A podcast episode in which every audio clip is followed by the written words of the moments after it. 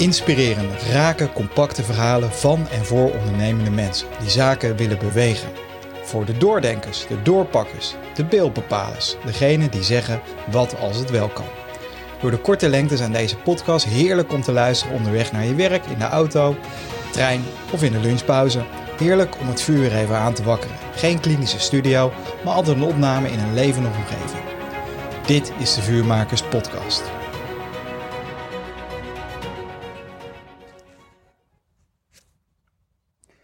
In business to business gaat het vaak over een merk.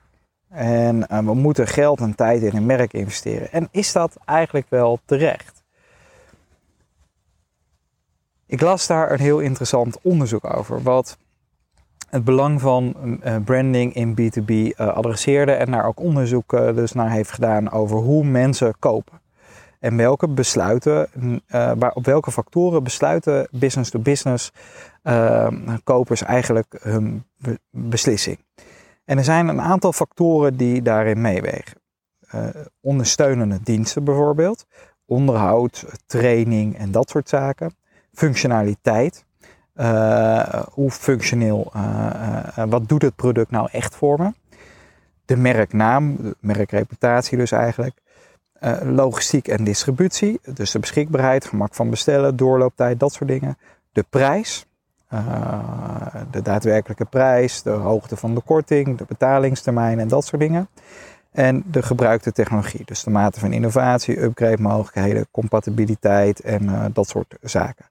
Dus in totaal uh, uh, een, uh, 1, 2, 3, 4, 5 factoren uit mijn hoofd. Ehm, ehm, de ondersteunende dienst, functionaliteit, merknaam, logistiek en distributieprijs en gebruikte technologie. En wat ik fascinerend vond is dat in tegenstelling tot business to consumer ehm, de, het hier veel meer verdeeld is.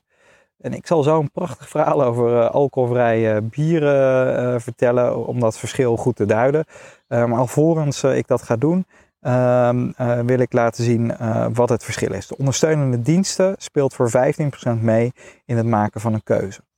Functionaliteit 25%, merknaam slechts 10%, logistiek en distributie 13%, prijs 25% en gebruikte technologie 12%. Met andere woorden, 50% wordt gevormd door wat het product daadwerkelijk doet en wat het kost.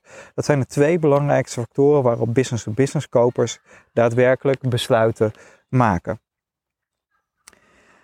En, en waarom is die merknaam dan niet groter? Nou, laat me een kort verhaal vertellen over alcoholvrij bier. Uh, een onderzoek wat gedaan is naar alcoholvrij bier.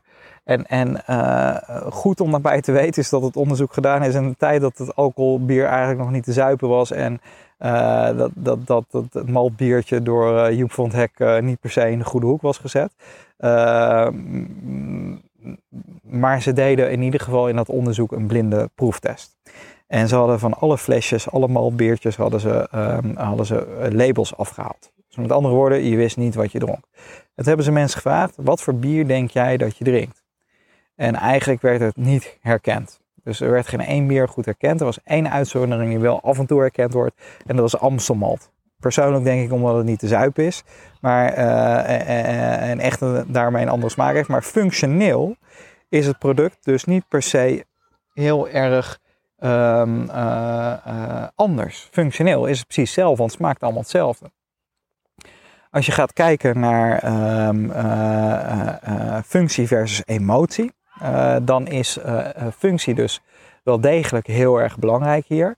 Uh, bij business-business aankopen. Terwijl dat bij business-to-consumer producten helemaal niet zo belangrijk is. Bij business-to-consumer producten gaat het veel meer over emotionele waarden. Over wat je voelt en wat je beleeft bij een product. Terwijl het bij een business-to-business product echt gaat over functionele waarden. Als het product niks. Kijk, het voelt goed, het is een goed merk met een goede reputatie, maar het product voegt niet zoveel toe. Waarom zou ik het dan kopen? In business to business moet het echt iets toevoegen. En merk kan dus wel iets doen, maar dan moet het dus laten zien, dan moet het echt functioneel iets, iets toevoegen. Dan moet het dus laten zien dat het functioneel daadwerkelijk belooft wat het doet. Dan gaat het dus over reputatie. Uh, maar de beleving van een merk maakt, doet er niet zoveel toe in het maken van keuzes als het gaat over business to businessbesluiten. Een fascinerend ding en goed om dus tussen je oren uh, uh, te houden als je een business-to-business bedrijf bent. Je moet dus realiseren waarom zet ik een merk in. En tuurlijk is het belangrijk dat mensen je herkennen, dat je een bepaalde positie in de markt hebt.